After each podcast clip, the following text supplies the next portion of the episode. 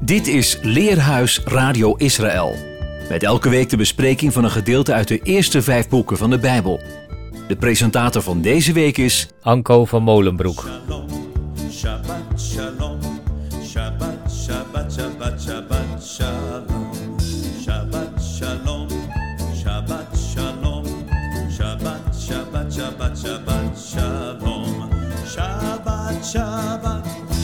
Shabbat, shalom, Shabbat shalom, Shabbat shalom, Shabbat, Shabbat, Shabbat, Shabbat shalom. Shalom luisteraars.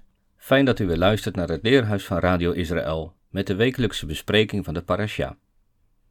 Enkele weken geleden was ik in het Heilige Land. In dat land krijgt de schrift echt ruimte en diepte. Je neemt als het ware zelf plaats in het verhaal. En op allerlei plekken kwamen er Bijbelgedeelten in mijn gedachten, en ik besefte hoe belangrijk Bijbelkennis is. Wie op de Heere vertrouwen zijn als de berg Sion, die niet wankelt, maar voor eeuwig blijft. Rondom Jeruzalem zijn bergen, zo is de Heere rondom zijn volk van nu aan tot in eeuwigheid, zegt Psalm 125. Wat een heerlijke waarheid is dat als je vanuit de oude stad over Jeruzalem kijkt, of vanaf de Olijfberg uitziet op de Tempelberg, de stad gebouwd op bergen. En je begrijpt het verlangen van de pelgrims als zij Jeruzalem naderen. Wie zal de berg van de Heere beklimmen? Wie zal staan in zijn heilige plaats?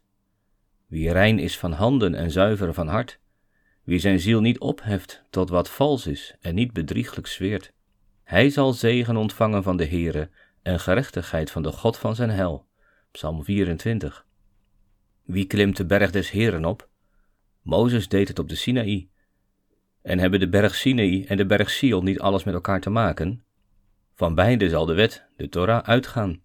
Jezaja zegt het. Het zal in het laatste der dagen geschieden dat de berg van het huis des Heeren vast zal staan als de hoogste van de bergen, en dat hij verheven zal worden boven de heuvels, en dat alle heidevolken er naartoe zullen stromen.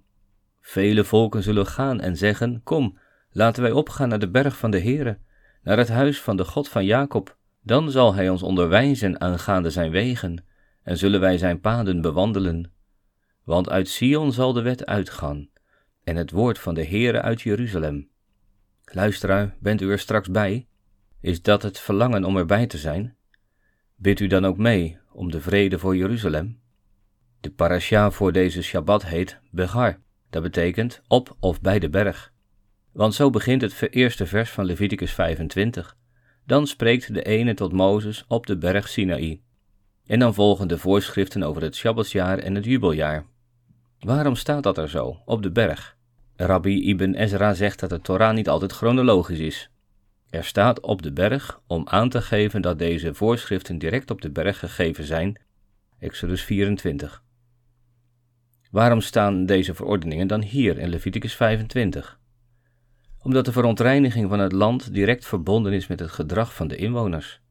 Nee, niet hoe de inwoners met het land, met de aarde omgaan, maar hoe zij met elkaar omgaan en hoe zij met de geboden van de eeuwige omgaan. In het vorige hoofdstuk Leviticus 24 ging het over de godslasteraar en de doodslager. Deze worden aan elkaar gelijkgesteld. Bloed verontreinigt het land. Bloedschande, zoals incest en andere schaamteloosheid, verontreinigen het land eveneens. En daarover gaat het ook in Leviticus 18, de schaamteloosheid. Of eigenlijk over de gebruiken van de volken, de wetteloosheid. En tegenover die wetteloosheid staat de Torah. U mag uzelf niet verontreinigen met al die dingen, want de heidenvolken die ik voor u uit ga verdrijven, hebben zich met al die dingen verontreinigd. Leviticus 18, vers 24. En in vers 28 staat: Laat het land u niet uitspuwen, omdat u het verontreinigt, zoals het het heidenvolk dat er voor u was uitgespuwd heeft. Waarom is het land zo belangrijk? Wel, de aarde is des Heren en al wat zij bevat, de wereld en wie erin wonen, zegt Psalm 24. In het bijzonder het land dat hij tot zijn woonplaats heeft uitgekozen. Er is dus een directe lijn tussen het land waar we wonen en ons gedrag, tussen land en volk. Daarom is het heilige land al zoveel eeuwen het strijdtoneel, ten diepste tussen de ene en de andere, zijn tegenstander. De aardse strijd om het land Canaan is het beeld van de strijd in de hemelse gewesten. En daarom vraag ik u nogmaals, luisteraar, bid u mee voor de vrede van Jeruzalem. In Parasha Bahar gaat de eeuwige tegenover de wetteloosheid van de inwoners van het beloofde land zijn eigen wetten zetten. Onderwijs over rust, herstel en vrijheid. De lezing uit de Torah is Leviticus 25, vers 1 tot 26, vers 2. De profetenlezing is Jeremia 32, vers 6 tot 27. En uit het vernieuwde verbond lezen we Lucas 4, vers 16 tot 21. De sabbatsrust van de zevende dag. De verlossing van de vijftigste dag door de wetgeving op de Sinaï. Datzelfde patroon zien we ook in de jaren terugkomen. Het zevende en het vijftigste jaar. Het zevende is het sabbatsjaar waarin het land rust. Het vijftigste gaat over recht en gerechtigheid door het herstel van de oorspronkelijke situatie. In drie delen leren we over deze bijzondere voorschriften over het land en haar inwoners. In het eerste deel zien we de rust van het Sabbatsjaar. In deel 2 leren we over het herstel in het jubeljaar. Het derde deel van dit lerenhuis is gewijd aan de heerlijke toekomst. Rust, herstel en vrijheid. Hoe klinkt u dat in de oren?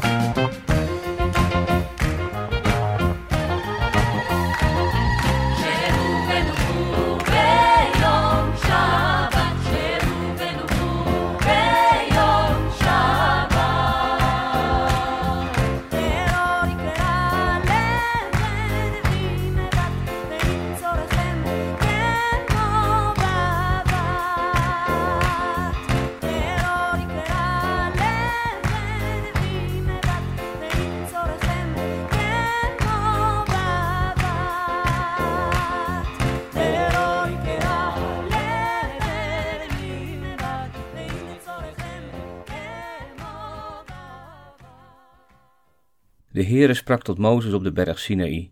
Spreek tot de Israëlieten en zeg tegen hen: Wanneer u gekomen bent in het land dat ik u geven zal, dan moet het land rust krijgen, een sabbat voor de Heere. Zes jaar mag u uw akker bezaaien. Zes jaar mag u uw wijngaard snoeien en de opbrengst ervan inzamelen.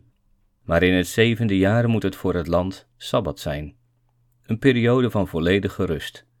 Een sabbat voor de Heere. Uw akker mag u niet bezaaien en uw wijngaard mag u niet snoeien. Wat er na uw laatste oogst nog opkomt, mag u niet oogsten. En de druiven van uw ongesnoeide wijnstok mag u niet plukken. Het is een jaar van volkomen rust voor het land. De opbrengst van de sabbat van het land zal voor u als voedsel dienen.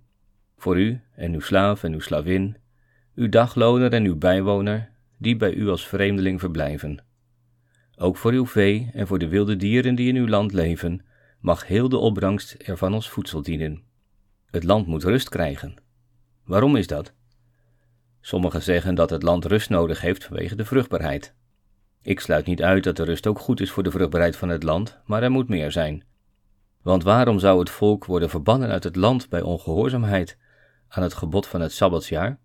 De onvruchtbaarheid zou toch genoeg zijn als natuurlijke consequentie? Een andere verklaring is dat het een rust is ter ere van de Heer van het land.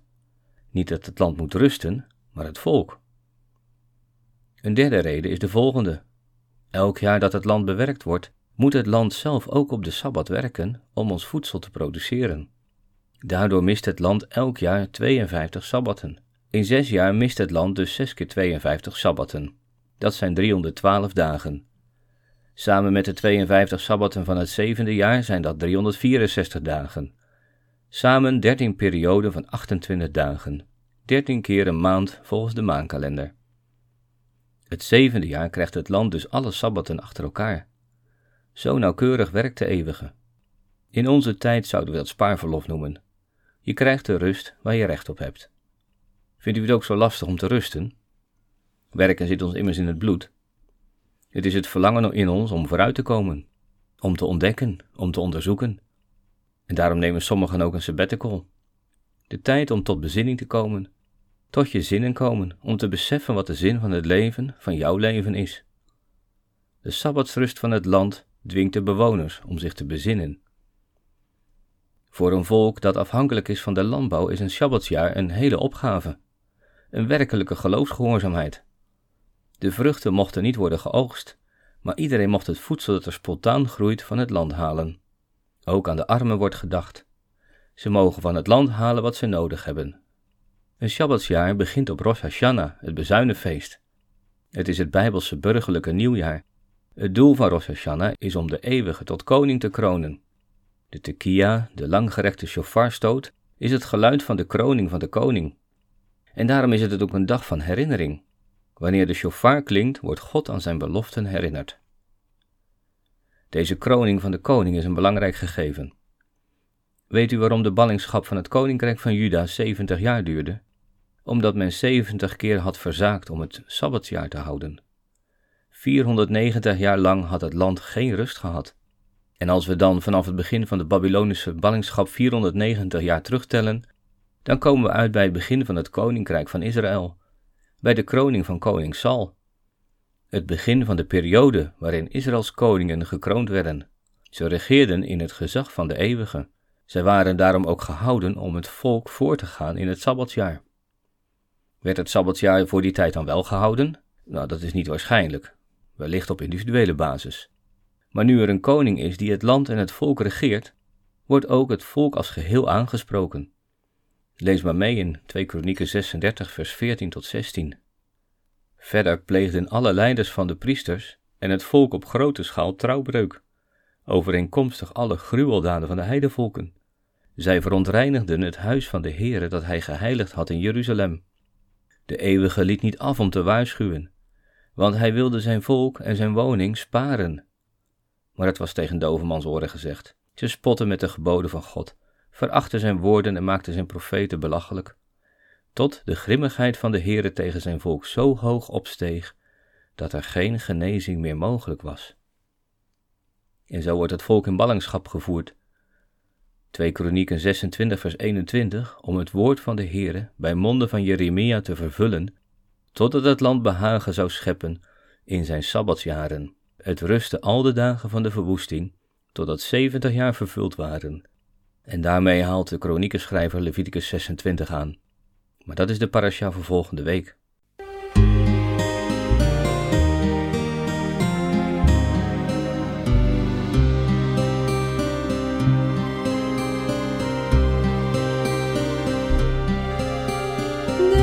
Trees that stand in silence upon the hills of the voices of the city as bells of evening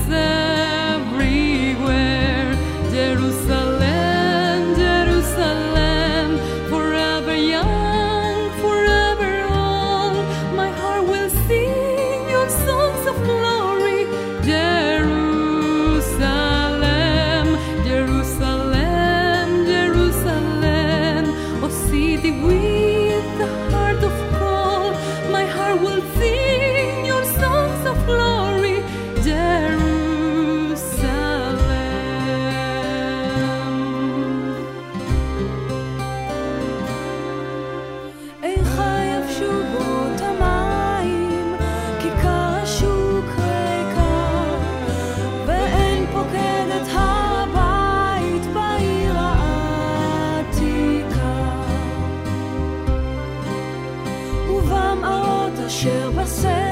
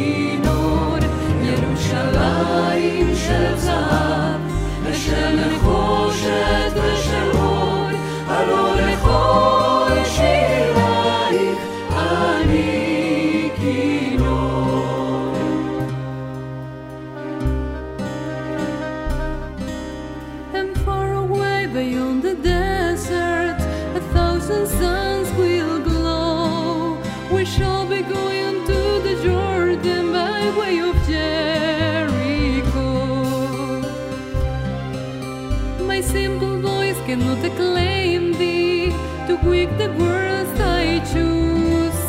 Jerusalem, if I forget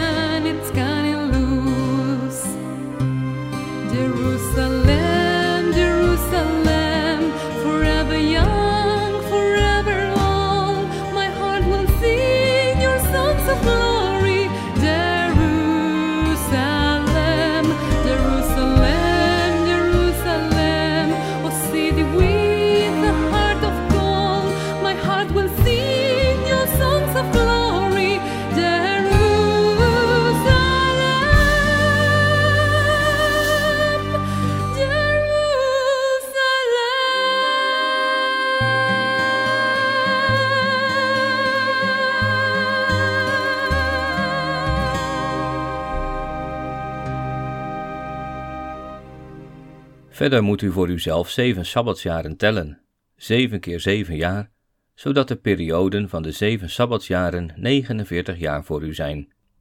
Na deze 49 jaar breekt het vijftigste aan. Dat is het jubeljaar. Dat jaar is ook weer het eerste van de nieuwe serie van 49. Een jubeljaar volgt dus altijd op een sabbatsjaar. Vandaar dat de eeuwige in het zesde jaar een drievoudige oogst gaf. Dan moet u in de zevende maand, op de tiende dag van de maand, bazuingeschal laten klinken. Op de verzoendag moet u de bazuin in heel uw land laten klinken. U moet het vijftigste jaar heiligen en vrijlating in het land uitroepen voor alle inwoners ervan. Het is jubeljaar voor u. Ieder zal terugkeren naar zijn eigen bezit en ieder zal terugkeren naar zijn familie.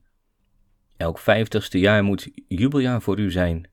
U mag dan niet zaaien, niet oogsten, want wat er na uw laatste oogst nog opkomst, en de druiven van uw ongesnoeide wijnstok mag u niet plukken, want het is jubeljaar. Het moet heilig voor u zijn. U mag van de akker eten, wat hij uit zichzelf opbrengt. In dit jubeljaar mag u terugkeren, ieder naar zijn eigen bezit. In het jubeljaar wordt de originele staat hersteld. Ieder zal terugkeren naar zijn eigen bezit en zijn familie. En hoe kwam het dat men zijn bezit kwijtraakte? Wel, het kon voorkomen dat iemand vanuit armoede zijn land moest verkopen. De prijs van het land werd afgemeten aan de tijd die nog restte tot het jubeljaar. Dan zou de rechtmatige erfgenaam het vruchtgebruik weer mogen genieten. Want niet het land werd verkocht, maar de opbrengst van het land. Het land kon ook niet verkocht worden, want de aarde is van de Heer. Maar de landman die zijn energie steekt in het bebouwen van de akker, mag van de vrucht genieten. En wij noemen dat erfpacht en vruchtgebruik.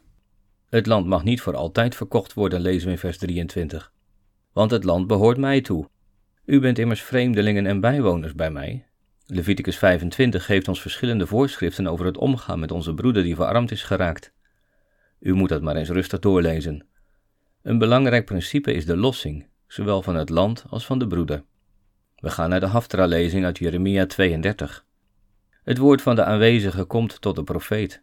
Hanameel, zijn neef, zal bij hem komen om te vragen of Jeremia zijn erfbezit wil lossen, want dat is het recht van Jeremia. En zo gebeurt het ook dat Hanameel, dat wil zeggen, God is genadig, daadwerkelijk bij zijn oom komt en dat Jeremia de akker van zijn neef koopt. We lezen in vers 13 tot 15: Ik gaf Baruch voor hun ogen opdracht, zeggende: Zo zegt de Heere, de God van Israël: Neem deze brieven, deze koopbrief, de verzegelde en de opengelaten brief, en doe ze in een aardepot, zodat ze vele dagen in goede staat blijven. Want zo zegt de Heere van de legermachten, de God van Israël, er zullen weer huizen en akkers en wijngaarden gekocht worden in dit land. U begrijpt het hopelijk dat deze opdracht van de aanwezigen een profetie is van een toekomstig herstel, na vele dagen. De akker die gekocht wordt ligt in Anatoot. Het is een priesterstad net boven Jeruzalem. Het ligt in wat nu de westelijke Jordaanoever wordt genoemd. Zal deze aardekruik nog gevonden worden, net als de dode zeerollen? Hoe dan ook, er zullen weer huizen, akkers en wijngaarden gekocht worden in dit land. Nadat Jeremia de koopbrief aan Baruch meegegeven heeft, gaat hij in gebed. Ach, Heere, Heere, zie, u hebt de hemel en de aarde gemaakt door uw grote kracht en door uw uitgestrekte arm. Niets is voor u te wonderlijk. Vers 22, u gaf hun dit land dat u hun vaderen gezworen had hun te geven, een land dat overvloeit van melk en honing. Ze kwamen en namen het in bezit, maar ze hebben niet geluisterd naar uw stem en hebben niet volgens uw wet gehandeld. Alles wat u hen geboden had om te doen, hebben zij niet gedaan. Daarom hebt u al dit onheil over hen afgeroepen. Belegering, honger, pest en tenslotte ballingschap. Maar de profeet behoudt de hoop op het woord. Toch hebt u zelf tegen mij gezegd: Heere, Heere, koop voor uzelf die akker voor geld en laat het door getuigen bevestigen. De stad is echter in de handen van de Galdeën gegeven. Toen kwam het woord van de Heere tot Jeremia: Zie, ik ben de aanwezige, de God van alle vlees. Zou ook maar iets voor mij te wonderlijk zijn? Luisteraar, waar hebt u die woorden meer gehoord? Ja, inderdaad, dat sprak de aanwezige tegen Sara toen hij de geboorte van Isaac aankondigde, de beloofde zoon. Dat sprak ook de engel Gabriel tegen Maria toen hij de geboorte van Yeshua, de beloofde zoon, aankondigde. Zou er iets voor hem te wonderlijk zijn? Zou er dan een profetische lijn lopen tussen de lossing van het land en de komst van de koning? Ik zou het denken.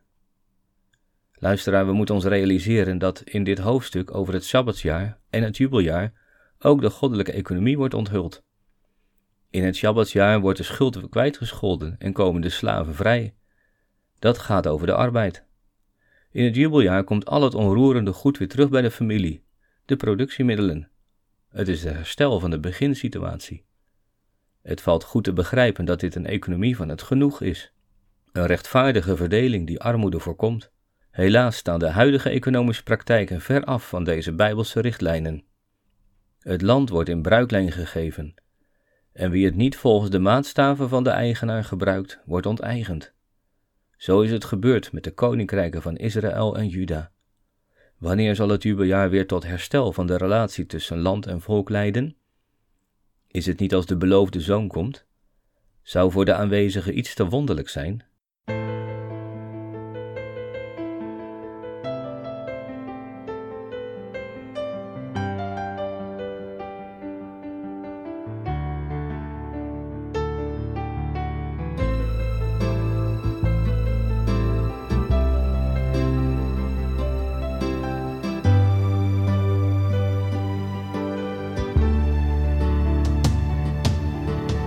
Jerusalem is waiting just for you, oh Lord.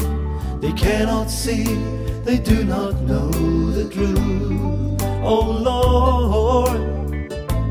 Open their eyes, let them see you, let them feel you, let them hear you. Cause you are here, oh Lord everlasting Father, the Prince of Peace, oh Lord, wonderful Counselor, cause you are here, oh Lord, everlasting Father, the Prince of Peace, oh Lord, wonderful Counselor.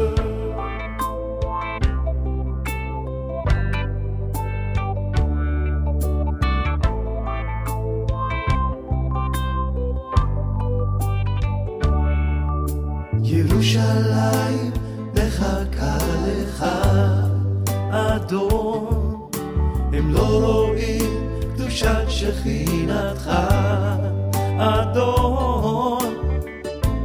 קח עיניהם שיראו אותך, שישמעו דברך, שילכו בדרכך, כי אתה כאן, הגאון, יועץ אל גיבור, אביעד, צל שלום, קדוש אתה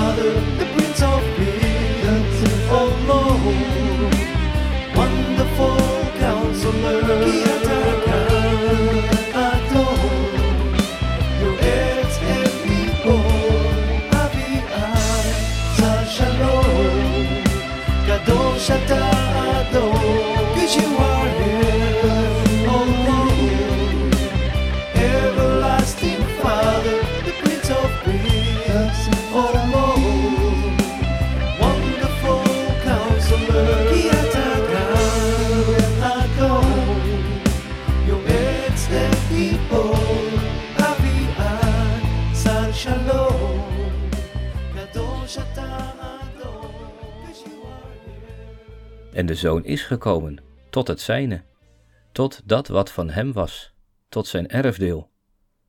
In Nazareth woonde hij, in het land van het oorspronkelijke tienstammenrijk. Dat land was geworden tot het Galilea der heidenen. En juist in dat Galilea kwam de losser. Toen hij werd voorgesteld in de tempel veertig dagen na zijn geboorte, was daar een oude profetes uit het tienstammenrijk, Anna. Haar naam is bijna gelijk aan Gananiel, de neef van Jeremia, genadig. En zij sprak over de Messias tot allen die de verlossing in Jeruzalem verwachten. De verlossing, dat is de vrijheid van het jubeljaar. Als alles weer back to normal gaat, als ieder zijn erfdeel weer terugkrijgt. Enkele hoofdstukken verder, in Lucas 4, vinden wij de lezing die bij de parasha Begar hoort. Dan zijn we dertig jaar na de geboorte en horen we Yeshua voorlezen in de synagoge van Nazareth. En aan hem werd het boek van de profeet Jezaja gegeven. En toen hij het boek open gedaan had, vond hij de plaats waar geschreven stond: De geest van de Heere is op mij, omdat hij mij gezalfd heeft.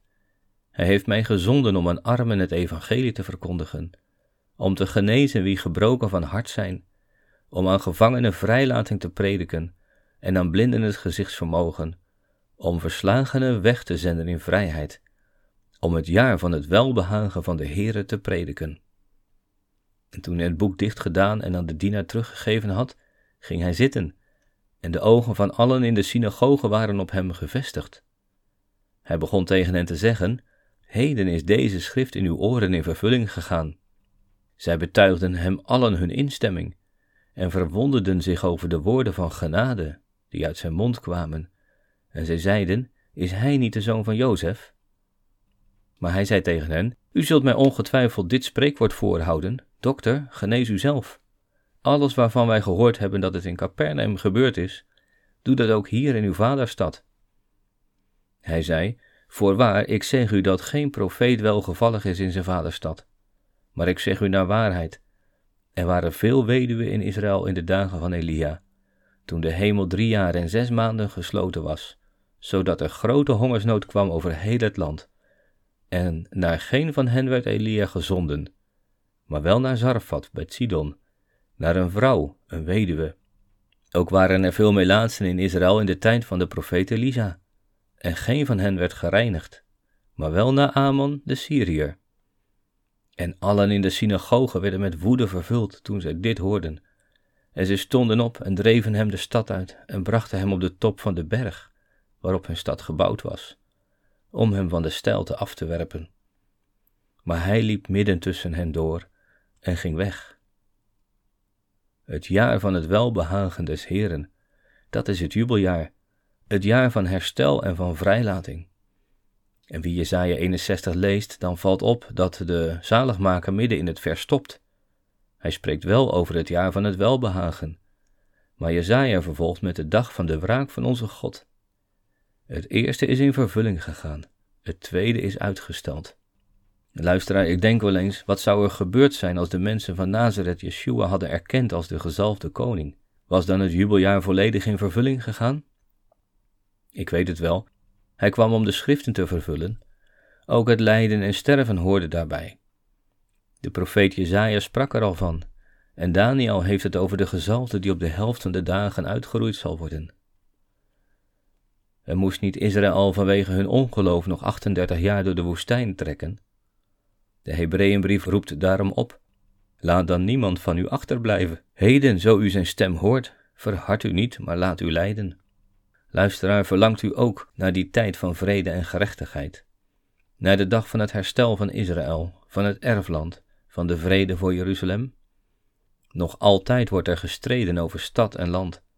Nog altijd woekert het antisemitisme als de pest rond en worden gelovigen in Yeshua wereldwijd vervolgd. Dat is de strijd tot op de dag van vandaag, totdat de Messias komt.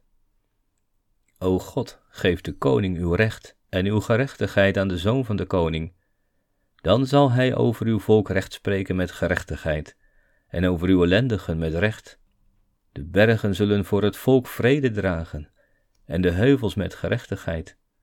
En David besluit in Psalm 72: Gelooft zij de Heere God, de God van Israël. Hij doet wonderen, hij alleen. Gelooft zij voor eeuwig zijn heerlijke naam.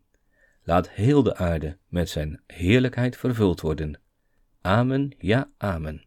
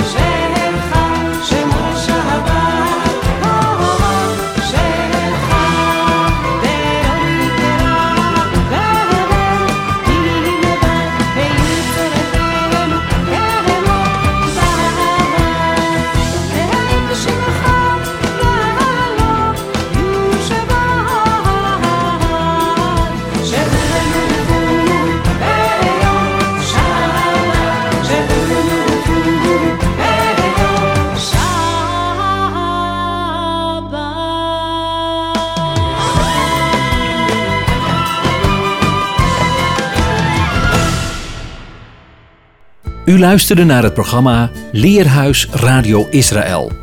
Een wekelijkse bespreking naar aanleiding van de Bijbelgedeelten die elke week door de Joodse gemeenschap wereldwijd worden gelezen.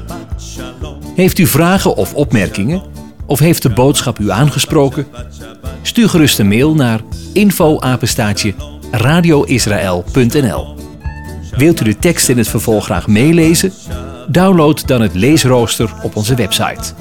Ga naar radioisrael.nl en klik onder het kopje Programmaoverzicht op Leerhuis Radio Israël.